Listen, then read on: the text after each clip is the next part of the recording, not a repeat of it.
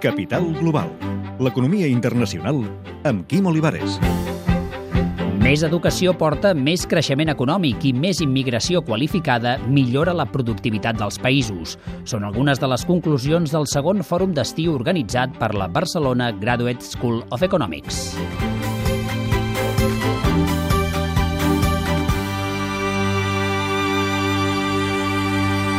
Si estàs enmig de molts immigrants d'alta formació, la presumpció és que una mica d'aquesta intel·ligència s'encomanarà a la gent que ja viu allà. La farà més productiva. Els immigrants d'alta formació tendeixen, òbviament, a guanyar més, pagar més impostos, i això pot portar beneficis fiscals. George Borjas és professor d'Economia Social a la Harvard Kennedy School i partidari de la immigració selectiva. Per demostrar-ho, dona un exemple històric, l'Alemanya dels anys 30.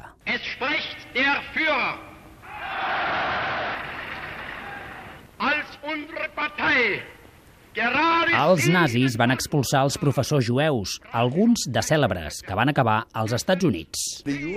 Als Estats Units, l'arribada dels Einstein o dels von Neumann va atraure molts matemàtics i aquesta atracció va portar-los una gran pujada en productivitat. Però tornem al segle XXI.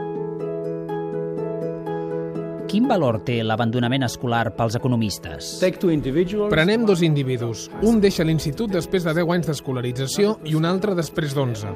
El pronòstic és que la persona que el deixa un any després tingui un sou mensual un 7, 8, 9% més alt que el que va deixar-lo un any abans. Víctor Lavi és expert en economia de l'ensenyament a la Universitat Anglesa de Warwick. L'educació a nivell individual és la millor inversió que pots trobar en una economia. No hi ha cap altra inversió que et doni en termes reals un 7, 8, 9% any rere any. A més, l'educació comporta beneficis addicionals, com la millora de la salut o el descens de la criminalitat. Però què ha de fer un país per assolir un sistema educatiu de qualitat? En primer lloc, ara sabem que la mida de la classe és molt important. Fins fa 20 anys hi havia un punt de vista molt escèptic sobre la importància de la mida de la classe. Les proves que tenim ara suggereixen que el fet de reduir el nombre d'alumnes per classe porta a una millora dels resultats. Ara bé, és molt car. S'han de fer noves escoles i calen més professors. more teachers.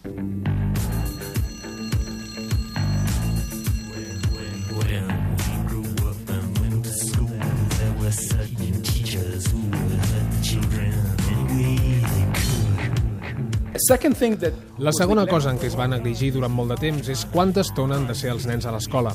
Posem que Barcelona vol millorar els resultats. S'ha d'ensenyar més estona? Afegir una hora a les lliçons de matemàtiques o d'anglès o de ciències millorarà els exàmens del curs. I les noves tecnologies a l'aula? Everywhere there is a tendency Hi ha una tendència de gastar molts diners en ordinadors a tot arreu. No hi ha proves de cap mena que tenir ordinadors a l'escola millori els resultats d'aprenentatge. Això no vol dir que no n'haguem de tenir, però no hauríem de pensar que això serà la solució per millorar la qualitat de l'escola. for improving school quality. An acre is the area of a rectangle whose length is. A Suècia i Finlàndia han optat per obligar que tots els educadors siguin llicenciats per millorar la qualitat del professorat des de la guarderia. Not only learning outcomes are No només milloren els aprenentatges de lectura si tens més bons professors a primària o a secundària.